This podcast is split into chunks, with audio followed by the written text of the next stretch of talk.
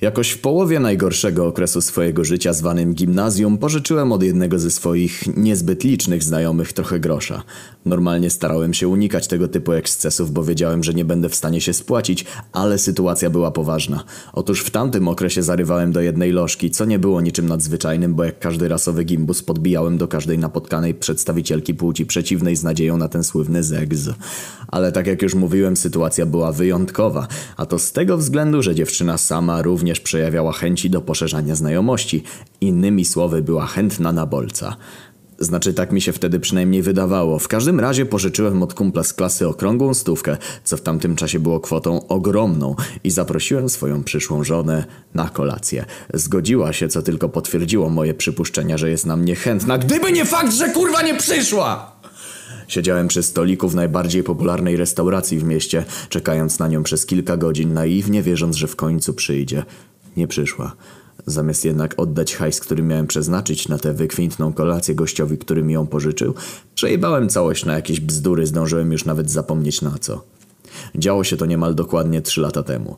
Ten krótki wstęp był wymagany, bo to przez swoją głupotę wplątałem się w to całe bagno. Ale powoli. Szybko zapomniałem o swoim długu i przypomniał mi o nim dopiero telefon, który odebrałem dwa dni temu. Koleś, u którego byłem zadłużony, zadzwonił po trzech latach, żeby powiedzieć mi, że mam tydzień na spłatę pożyczonego hajsu. Pozdrów Kanara. Ale to nie wszystko. Jedna stówka nie byłaby problemem, aż tak biedny nie jestem. Ale ten spryciarz naliczył mi tak chore odsetki, że wymieniona przez niego kwota przewyższała kilkukrotnie tę pierwotną. Zanim zdążyłem powiedzieć, że chyba go do reszty pojebało, rozłączył się zostawiając mnie z myślą, że może to był tylko jakiś głupi żart, który niechcący wziąłem na poważnie. Zamieniłem parę słów z innym kumplem, z którym się kiedyś trzymałem i usłyszałem od niego, że facet wszedł do jakiegoś ulicznego gangu i zadaje się z ludźmi, z którymi raczej nie powinno się zadzierać. Zrozumiałem wtedy, że nie mam wyjścia, trzeba było jakoś zdobyć te pieniądze, bo perspektywa narażenia się jakiejś ulicznej bandzie niezbyt mnie pociągała. Rodzice odpadali. Sam fakt, że utrzymywali mnie i mojego młodszego brata traktowali jako przejaw najwyższej łaski, a pieniądze dostawałem od nich tylko na urodziny, do których było jeszcze daleko. Pożyczenie od znajomych również nie wchodziło w grę, bo po pierwsze ich nie miałem, a po drugie nie chciałem dwa razy popełnić tego samego błędu. Zostawała więc najbardziej drastyczna opcja. Uczciwa praca. Wklepałem w Google praca dla młodych Lublin i po paru dobrych godzinach przeszukiwania ofert w stylu poszukuję kelnerki do mojej zajebistej restauracji rozmiar biustu minimum D albo zatrudnię kilku małych chłopców do opieki nad moimi kotkami. Wreszcie znalazłem coś, co w teorii byłoby odpowiadającą mi pracą. Robota była stosunkowo prosta, od zwykłe koszenie trawy na jakiejś działce pod miastem z paroma haczykami. Pierwszy był taki, że napęd w kosiarce, którą oferował pracodawca, nie działał, więc trzeba było się trochę namęczyć z pchaniem tego cholerstwa. A drugi, niewspomniany w ofercie, był taki, że było kurwa gorąco. Zbliżał się środek lipca, a co się z tym wiązało, temperatura powoli przewyższała akceptowalne przez ludzkie ciało normy. Ale nie miałem wyjścia. Gonił mnie czas, a ja desperacko potrzebowałem pieniędzy. Zadzwoniłem więc na podany w ofercie numer i powiedziałem, że przyjadę następnego dnia. Pozostawał jeszcze problem transportu, bo działka była jednak kawałek od miasta, więc autobusy odpadały. Podbiłem więc do ojca, który mógłby mnie tam zawieźć jadąc z rana do roboty, a on jednak wymigał się twierdząc, że spieszy się do pracy, ale ma w firmie kolesia, który mógłby mnie tam zawieźć, bo i tak ma parę spraw do załatwienia w tamtych okolicach. No to mówię spoko, bo niby czemu miałbym odmówić darmowej podwózki, a powinienem! Mój szofer wyglądał jak połączenie wieśniaka, którego ktoś ubrał w nowoczesne ciuchy z trolem żywcem wyjętym z twórczości Tolkiena. Miał chyba ze trzy metry wzrostu, a szeroki był chyba na tyle samo. Pierdolony człowiek kwadrat. Ale to nie tak, że był tak kurewsko gruby czy coś. O, nie, nie, nie, nie, nie. Ta góra mięcha, która przede mną stała, była po prostu tak cholernie umięśniona. Nie wiem, może w dzieciństwie ojciec go podtapiał w kotle z magicznym wywarem. Była to pierwsza myśl, która przyszła mi do głowy, jak go zobaczyłem. Obrazu dopełniała tylko ta morda, przypominająca łeb gargulca z jakiejś gotyckiej katedry. Wyłupiaste oczy patrzące tempo przed siebie, nos wygięty pod ośmioma różnymi kątami i te maleńkie usteczka, z których bez skrupułów wystawały żółte jak szczyny zęby. No i nie zapominajmy o brodzie, która była drugą po samych gabarytach jego mościa rzeczą, która rzucała się w oczy podczas pierwszego obcowania z nim. Była przycięta całkiem modnie, co mnie z początku zdziwiło, ale potem zauważyłem, że część włosów jest po prostu bezwstydnie doklejona, niczym dolna peruka. Z daleka można się było na to nabrać, ale patrząc z bliska, wyglądało to tak, jakby ktoś po obcięciu łoniaków stwierdził Ach! Co się ma marnować? I chwytając za kropelkę przykleił sobie kłębki czarnych, kręconych włosków na mordę. Nie zdziwiłbym się, gdybym niechcący odgadł genezę tej abominacji. Ojciec poklepał mnie po plecach. No to co? No, miłej zabawy życzę. Zaśmiał się od niechcenia i zostawił mnie na parkingu razem z tym potworem. Podniosłem niepewnie wzrok i dostrzegłem, że monstrum sili się na coś w rodzaju uśmiechu. Heniek jestem, powiedział basem tak donośnym, że drgania powietrza prawie przewróciły mnie na plecy.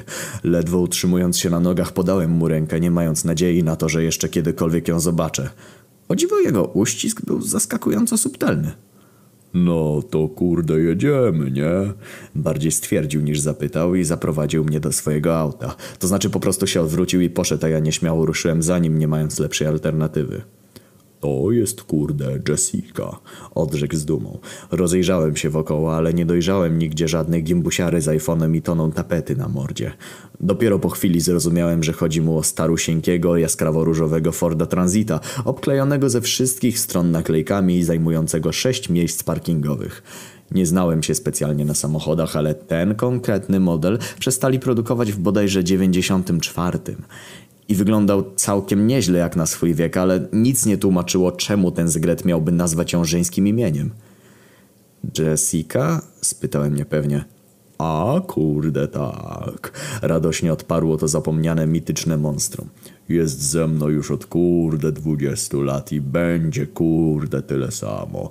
Wsiadasz czy będziesz tak stał, he? Straszliwie zażenowany otworzyłem drzwi do tego dziwacznego wehikułu. Na moje buty wysypało się kilkanaście kłębów kurzu i parę puszek po jakimś tanim piwie. Niewzruszony pod, podjąłem próbę wejścia do środka, ale całe przednie siedzenie zajmowała sterta jakichś gratów, wśród których dostrzegłem m.in. fragmenty starego odkurzacza, szczątki żeńskiego manekina i kilka kawałków drewna, podejrzanie przypominającego odłamki jakichś półek albo szafy. Wyglądało na to, że mój kierowca zajmował się przewozem dóbr każdego rodzaju. Kurde, czekaj chwilę. Zupełnie żem zapomniał o tych śmieciach. To mówiąc usiadł na siedzeniu kierowcy i sprzedał soczystego kopa stercie leżącej na fotelu. Szkoda, że nie poczekał aż odsunę się na bezpieczną odległość.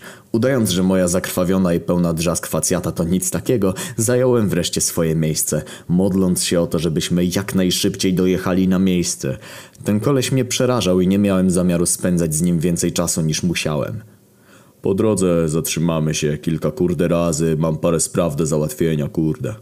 Stwierdził przekręcając kluczyk.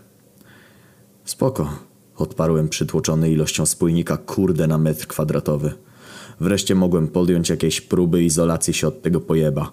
Zacząłem od założenia słuchawek i odpalenia jakiejś prawilnej nutki, która sprawi, że nie będę go musiał więcej słuchać. Nim zdążyłem w ogóle wyjąć fona z kieszeni, człowiek kwadrat ruszył. Trudno mi będzie opisać to uczucie, ale najlepsze porównanie, jakie przychodzi mi do głowy, to pierdolony skok w nadprzestrzeń jak w Star Warsach. Serio, kiedy koleś wcisnął pedał gazu, to poczułem się jakbym właśnie zmieniał galaktykę. Jak już mówiłem, nie znam się na motoryzacji, ale jestem prawie pewny, że samochody z 94 nie rozpędzają się do dwusetki w ciągu sekundy. Próbując złapać oddech, spojrzałem na tego szaleńca. Rozłożony na kierownicy zajmował większość i tak ograniczonej przestrzeni, jaką mieliśmy do dyspozycji, dysząc jak byk, szarpał kółkiem jak pojebany. Spróbowałem coś powiedzieć, ale zrezygnowałem. I tak w sumie rozważałem samobójstwo. Przez szybę nie byłem w stanie zobaczyć praktycznie nic. Bliżej nieokreślone kształty rozmazywały mi się przed oczami, dającym mi tym samym wrażenie podobne do oglądania prezentacji o twórczości Wasylego Kadyńsk-Kandyńskiego z prędkością kilkunastu slajdów na sekundę. Najzabawniejsze było jednak to, że facet prowadził jak pierdolony Bóg. W sposób, w jaki przywłaszczał sobie każdy najmniejszy skrawek ulicy sprawiał, że zacząłem się poważnie zastanawiać, czy nie spierdolił przypadkiem z planu zdjęciowego kolejnej części Szybkich i Wściekłych. Wymijał auta przed nami z tak wielką gracją, że gdyby nie fakt, że dłonie miałem stałej siły naściśnięte na podłokietnikach, zacząłbym klaskać. Nie dawało mi to jednak poczucia bezpieczeństwa, wręcz przeciwnie czekałem tylko aż wpierdolimy się w drzewo albo jakiegoś pojeba, który miał za mało rozumu w głowie, by zjechać nam z drogi. Podstawową zasadą, jaką wyznawał Heniek, było chyba czerwone, zaczyna obowiązywać dopiero po 20 sekundach. Chociaż najwyraźniej stawiał ją na równi z jeśli schodzisz poniżej 120, to jesteś pizda. W każdym razie egzekwował obie reguły z zadziwiającą sumiennością. W pewnym momencie zauważyłem, że zszedł do stówki i zrozumiałem, że zamierza się zatrzymać, więc błyskawicznie rzuciłem się, żeby zapiąć pasy, o których zupełnie zapomniałem. Zrobiłem to dosłownie w ostatniej chwili, bo sekundę później człowiek kwadrat zahamował tak gwałtownie, że wciąż mam na brzuchu odciśniętą ukośną pręgę. Zawsze lepsze to od wypadnięcia przez przednią szybę. Chociaż można polemizować. No, dzieciak, pierwszy kurde przystanek, odezwał się Heniek. Siedź tu i nie wyłaś. Jak ci kurde gorąco, to sy drzwi możesz otworzyć najwyżej. Zanim zdążyłem podziękować mu za ten nadzwyczajny akt miłosierdzia, trzasnął drzwiami z taką siłą, że zacząłem podejrzewać, że miał zamontowane kuloodporne szyby. W każdym razie zastosowałem się do jego rady i otworzyłem drzwi, pozwalając sobie na zażycie tego luksusu, jakim jest świeże powietrze. Zastanawiałem się przez chwilę, czy nie próbować spierdolić, ale ledwo mogłem się ruszyć i nie miałem ochoty szukać sobie innej drogi transportu. Byłem tak wyczerpany samą podróżą, że nie wyobrażałem sobie samej pracy w tym upale. Na szczęście troll wspominał o kilku przystankach, więc może do tego czasu odzyskam trochę siły. Po chwili czekania postanowiłem jednak rozprostować nogi i rozejrzeć po okolicy, nie przejmując się słowami Heńka, żebym nie ruszał dubska z auta. Zatrzymaliśmy się pod jakimś magazynem. Jessica była jedynym autem, które stało na parkingu. W zasięgu wzroku nie było żywej duszy. Zaciekawiony podszedłem bliżej do samego magazynu. Była to zwykła metalowa buda sklejona z kawałków falowanej blachy. Napis nad jedynym wejściem do środka informował, że wewnątrz znajduje się skład części samochodowych. Z wewnątrz dobiegły mnie stłumione głosy, wśród których wyraźnie słyszałem znajomy donośny bas. Brzmiało to jednak jakby rozmówcy się zażarcie kłócili. Podszedłem bliżej wejścia ciekawy, komu tym razem uprzykrza życie mój kierowca. Jesteśmy kurde rodziną, zapomniałeś Nick. Po pierwsze, nie jesteśmy żadną rodziną debilu, a po drugie, nazywam się Mikołaj. Odezwał się drugi głos. Dostajesz taką samą działkę jak wszyscy. W chuju mam, czy jesteś milion razy szybszy od reszty. Przewozisz tyle samo zielonego, dostajesz tyle samo. W tym momencie zapadła cisza i myślałem, że to już koniec przedstawienia i powinienem wracać do wozu, nim mój kierowca się zorientuje. To, co usłyszałem, dało mi podstawy, by zacząć podejrzewać, że koleś bawi się w naprawdę brudne interesy. Zastanawiało mnie, jak taki tępy wieśniak wkręcił się w siatkę przestępczą. Moje rozmyślania przerwał jednak głośny krzyk ze środka magazynu. I nie należał on do żadnego z dwóch rozmówców, których słyszałem wcześniej. Odłóż to! Co robisz? Heniek! Reszta tego uroczego wywiadu utonęła w odgłosach zażartej walki. Do moich uszu dobiegł trzask łamanych kości i dźwięków, które brzmiały jakby ktoś odpalił Johna Wicka na cały regulator. Obstrałem się tak bardzo, że nie byłem w stanie się ruszyć. Cokolwiek się działo w środku, nie chciałem o tym wiedzieć. Nagle zapadła cisza. Odsunąłem się nieco od wejścia, z którego chwilę później wynurzył się człowiek kwadrat. Na szczęście mnie nie zauważył i ruszył w stronę pobliskiego lasu. Nie uszło to mojej uwadze, że był skąpany we krwi tak bardzo, że gdybym nie wiedział, że jego koszula była wcześniej biała, uwierzyłbym, że szkarłat to jej naturalny kolor. W ręce trzymał zakrwawioną motykę, którą wyrzucił po drodze. Spanikowałem i z obawy, że zastrzeże mnie, że gdy się nagle odwróci, wślizgnąłem się do środka magazynu. To, co ujrzałem wewnątrz, przypominało prawdziwe pole bitwy. Dopatrzyłem się czterech trupów. Cały kwartet ubrany był w jakieś łachmany i szczerze bardziej wyglądali mi na zwykłych wieśniaków pokroju Heńka niż poważnych gangsterów. O co w tym wszystkim chodziło do kurwy nędzy? Zapomniałem o strachu i rozejrzałem się dokładniej. Na środku pomieszczenia stała wielka drewniana skrzynia, którą Heniek wytargał z Jessiki. Na szczęście ktoś wyręczył mnie w jej otworzeniu, bo mimo kilkukrotnego przejścia wszystkich części Half-Life'a wciąż nie opanowałem trudnej sztuki posługiwania się łomem. Skrzynka okazała się w istocie wypełniona zielonymi, o których wspomniał gość, którego wcześniej słyszałem i to dosłownie. Wewnątrz znajdowało się kilka kilo marchewek, cebuli, ziemniaków, sałaty i kapusty. Usiadłem na ziemi, próbując przyswoić sobie, co się właśnie odpierdala. Gang dealerów warzywnych, nielegalny handel kapustą? Boże drogi! Każda kolejna myśl wydawała mi się jeszcze bardziej irracjonalna i komiczna. W końcu otrząsnąłem się i stwierdziłem, że to najwyższy czas, by wracać do Jessiki.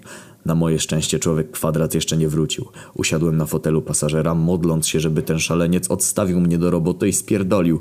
Dalsza podróż z tym mordercą i demonem prędkości nie brzmiała ani trochę fajnie.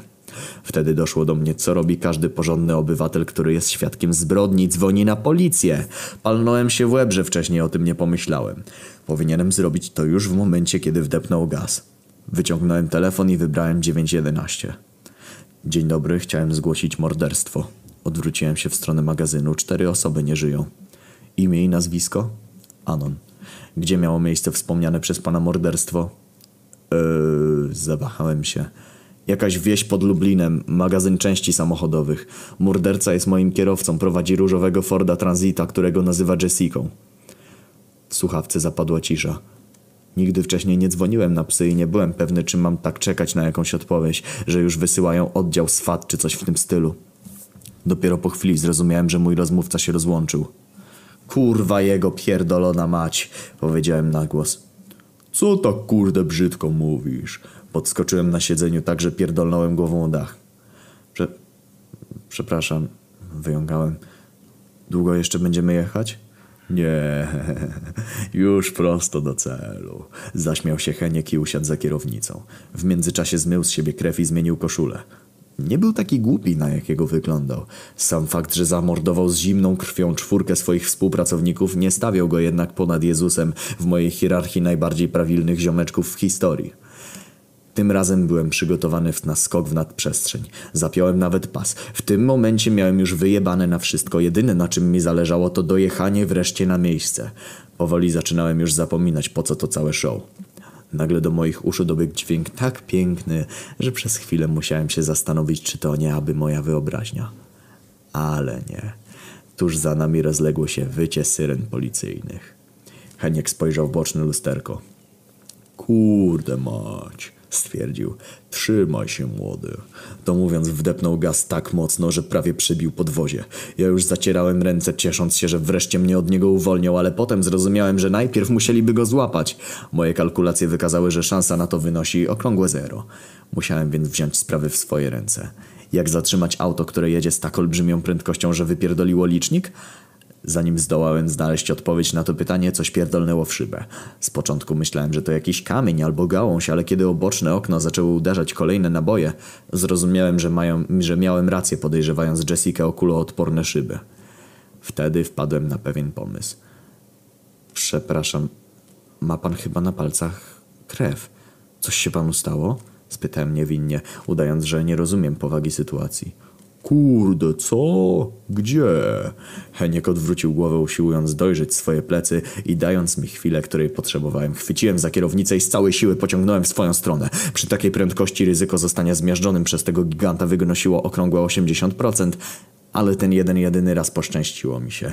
Jessica zatoczyła piękną 180 i uderzyła w jeden z radiowozów jadących za nami. Pierdolnęła poduszka powietrzna, ograniczając miejsce w kabinie kierowcy do okrągłego zera. Zacząłem się dusić. Z jednej strony przygnieciony cielskiem człowieka kwadratu, a z drugiej przez poduszkę, która miała w teorii ratować mi życie. Kiedy już odpływałem w zaświaty, ktoś otworzył drzwi, dając mi tym samym najlepszy prezent, jaki tylko mogłem sobie wymarzyć. Tlen. Gdy po chwili nieco ochłonąłem, zobaczyłem, że otaczają mnie policjanci. Nie byłoby w tym nic dziwnego, gdyby nie fakt, że każdy celował do mnie z pistoletu. Ktoś mnie podniósł i usadził na tylnym siedzeniu radiowozu. Dopiero wtedy zauważyłem, że mam założone kajdanki. Ech, te policyjne procedury robią się coraz dziwniejsze. Pomyślałem, nim odpłynąłem w błogie ramiona snu. Aktualnie piszę do was z więzienia. Zostałem skazany na dożywocie za pięciokrotne morderstwo i przynależność do gangu warzywniaków, który od kilku lat działał na terenie województwa lubelskiego. Szacuje się, że zyski z nielegalnego handlu warzywami wyniosły ponad 5 milionów złotych. Piątym trupem, którego mi przypisano był sam Heniek, którego zabiło zderzenie z radiowozem. W wozie znaleziono kilka skrzynek towaru, który jak założono wraz z moim partnerem, miałem zamiar spieniężyć w okolicznych wsiach.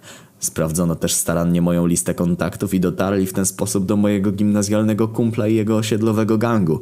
Okazało się, że jedną z aktywności, których się podejmowali była m.in. współpraca z warzywniakami, od których skupywali i rozpochrzewniali nielegalnie pietruszkę. Potwierdziło to tylko ich przypuszczenia, że jestem pośrednikiem i grubą rybą w świecie warzyw, morderstw i brudnych pieniędzy. Jutro ten pamiętliwy śmieć ma rozprawę. Jak tylko tu trafi, może liczyć na ciepłe powitanie. Wsadzę mu tę jego stówę w dupę.